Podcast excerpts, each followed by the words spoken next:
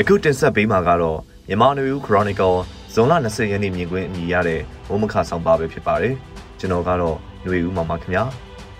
မီးရှို့ခံနေရစေစကိုင်းတိုင်းကကြေးရွာတွေလူသားချင်းစာနာမှုအကူအညီပေးနိုင်မှုအချက်အတဲလို့အမည်ရတဲ့မိုးမခဆောင်ပါကိုတင်ဆက်ပေးတော့မှာပါအခုရက်ပိုင်းမှာမီးရှို့ခံနေရတဲ့စကိုင်းတိုင်းတွေကဒေသတွေကတော့ရွှေဘုံမြို့နယ်တွေကကြေးရွာတွေဖြစ်ပါတယ်9ရက်အတွင်းလူနေအိမ်300နီးပါး မီးရှို့ဖျက်ဆီးခံခဲ့ရတယ်လို့သတင်းတွေထဲမှာဖော်ပြကြပါတယ်။ PDF တွေကိုအခြေစိုက်တာသို့မဟုတ်ကျေးရွာတွေကထောက်ခံအားပေးတယ်ဆိုတဲ့ဆွဆွဲချက်နဲ့စက်ကောင်စီဘက်ကကျေးရွာတွေကလူနေအိမ်တွေကိုမီးရှို့နေကြတာနှစ်ပေါက်တော့မယ်လို့ဆိုရပါမယ်။စိုက်ပျိုးရင်းနဲ့အသက်မွေးကြတဲ့ကျေးလက်နေတောင်သူလယ်သမားတွေအနေနဲ့နေအိမ်တစ်လုံးရဖို့အချို့ဆိုနှစ်ပေါင်း20လောက်လောက်ကင်စုဆောင်းခဲ့ကြတာဖြစ်ပါတယ်လို့ဒေသခံတအူးကပြောပါတယ်။စကိုင်းတိုင်းတွေက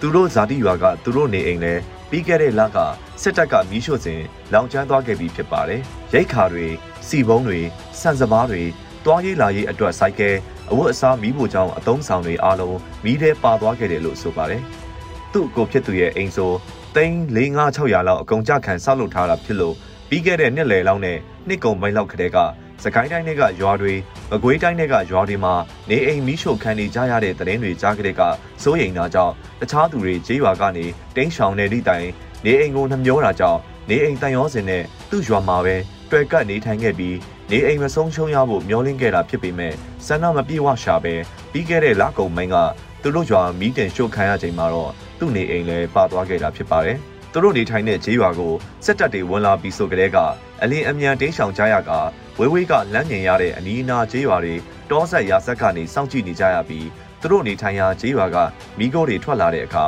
ကိုယ့်အိမ်များကြံမလားဆိုတဲ့မျှော်လင့်ချက်နဲ့စစ်တပ်ပြန်ထွက်သွားတဲ့အချိန်အထိစောင့်ကြည့်နေကြရတာမျိုးဖြစ်ပါတယ်။နာယီနဲ့ဒါမှမဟုတ်နောက်တရက်ကျော်နှစ်ရက်မှပြန်ထွက်သွားတဲ့အခါကိုယ့်ရွာကိုပြန်ပြီးအပြက်အစည်းတွေကိုကြည့်ခဲ့ကြတဲ့အခါ နေအိမ်လဲမိထဲပါသွားတဲ့အဖြစ်မျိုးကြုံကြရတာလို့ဆိုပါတယ်။စိုက်ပျိုးရင်းနဲ့အသက်မွေးတဲ့သူတွေအဖို့ဘဝတသက်တာမှာနေအိမ်ဆောက်ဖို့တစ်ချိန်ထပ်ပို့ပြီးတတ်နိုင်တာမျိုးမဟုတ်ပါဘူး။ပဲနှံစဘာဖရဲတခွာစတဲ့သီးနှံတွေစိုက်ပျိုးပြီးအသက်မွေးကြတဲ့စကိုင်းတိုင်းပလဲရင်းမပင်ကနီရွှေဘိုဒဇယ်မြင်းမူဥဒလင်ကပ်ဘလူကျွန်းလှစတဲ့ဒေသတွေကလူပေါင်းသိန်းချီတဲ့ဘဝတွေကို အခုလိုမီးရှို့ဖျက်ဆီးခံရမှုတွေအသက်ဆုံးရှုံးမှုတွေကတိုက်စားဖျက်ဆီးနေတာမျိုးဖြစ်ပါတယ်မြန်မာစစ်တပ်အနေနဲ့အခုလိုကြေးရွာတွေဖျက်ဆီးအတိုက်အမြုံဖျက်ဆီးတဲ့မြေလံနဲ့စနစ်နဲ့လက်နက်ကင်တိုက်ခိုက်မှုကိုခြေမုံတာဟာအခုမှအသက်မဟုတ်ပေမဲ့စကိုင်းတိုင်းလိုဒေသမျိုးအဖို့တော့အခုတစ်ချိန်ဟာပထမဆုံးဖြစ်ပါတယ်။မကွေးတိုင်းလည်းအလားတူဖြစ်ပါတယ်။နေအိမ်တွေမီးရှို့မခံရအောင်နီးလန်းရှာကြဖို့ NUG ရဲ့ဝန်ကြီးချုပ်ဖြစ်သူက မကြာခင်ကကာကွယ်ရေးဝန်ကြီးဌာနကိုတိုက်တွန်းခဲ့တာလဲသတင်းနဲ့ဖတ်လိုက်ရပါတယ်။ဤအချက်ကအရေးတကြီးထားစဉ်းစားလှုပ်ဆောင်ကြဖို့အစောကြီးကတည်းကလိုအပ်တယ်လို့ထင်ပါတယ်။ကြေးရွာတွေမှာအခြေစိုက်ပြီးလက်နက်ကင်တိုက်ခိုက်ကြမလားတီးခြားနေမြေတောတောင်ကိုအခြေခံပြီးတိုက်ခိုက်တာမျိုးလုပ်မလားဆိုတဲ့ရွေးဆရာနီလန် သို့မဟုတ်ရင်ကျေးရွာတွေမှာအခြေစိုက်မယ်ဆုံးဖြတ်ရင်လည်းကျေးရွာတွေကိုမီးရှို့မခံရအောင်ဘလို့ကာကွယ်မလဲဆိုတာမျိုးဤပြူဟာအရာစစ်ရေးအရာစဉ်းစားလှုပ်ဆောင်ကြဖို့လိုအပ်ကောင်းလိုအပ်လိမ့်မယ်ထင်ပါတယ်။ကြောက်ကြားစစ်ဤပြူဟာအခြေစိုက်စိုးမိုးနယ်မြေထူထောင်တဲ့ဤပြူဟာတွေတဲကအခြေအနေနဲ့ကိုက်ညီတဲ့တစ်ခုခုကိုရွေးချယ်ကြဖို့လိုအပ်မယ်လို့ထင်မြင်မိပါတယ်။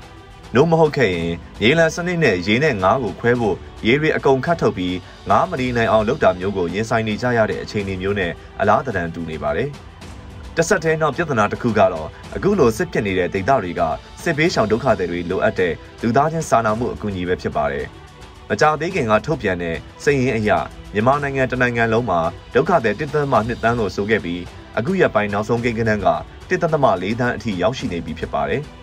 ဒါကပြည်တွင်းကဒုက္ခတွေအရေးအတွက်သာဖြစ်ပြီးပြည်ပရောက်နေတဲ့အရေးအတွက်ပါထည့်ပေါင်းရင်နှစ်တန်းခွဲကျော်ရှိမှာဖြစ်ပါတယ်။ပြည်ရင်းမှာရှိနေတဲ့တစ်သက်သမ၄တန်းကိုအကူအညီပေးနိုင်ဖို့အတွက်အကူအညီပေးဝေခွင့်အခြေအနေရှိမနေတာကအဓိကပြဿနာဖြစ်နေပါတယ်။စက်ကောင်စီကနေမြေတွေကိုရိတ်ခါစေးဝါမတည်ယူနိုင်အောင်ပိတ်ဆို့ထားတာလူသားချင်းစာနာမှုအကူအညီပေးတဲ့အဖွဲ့အစည်းတွေကိုတွားခွင့်မပေးတာတွေကအဓိကအခက်အခဲတွေဖြစ်နေပါတယ်။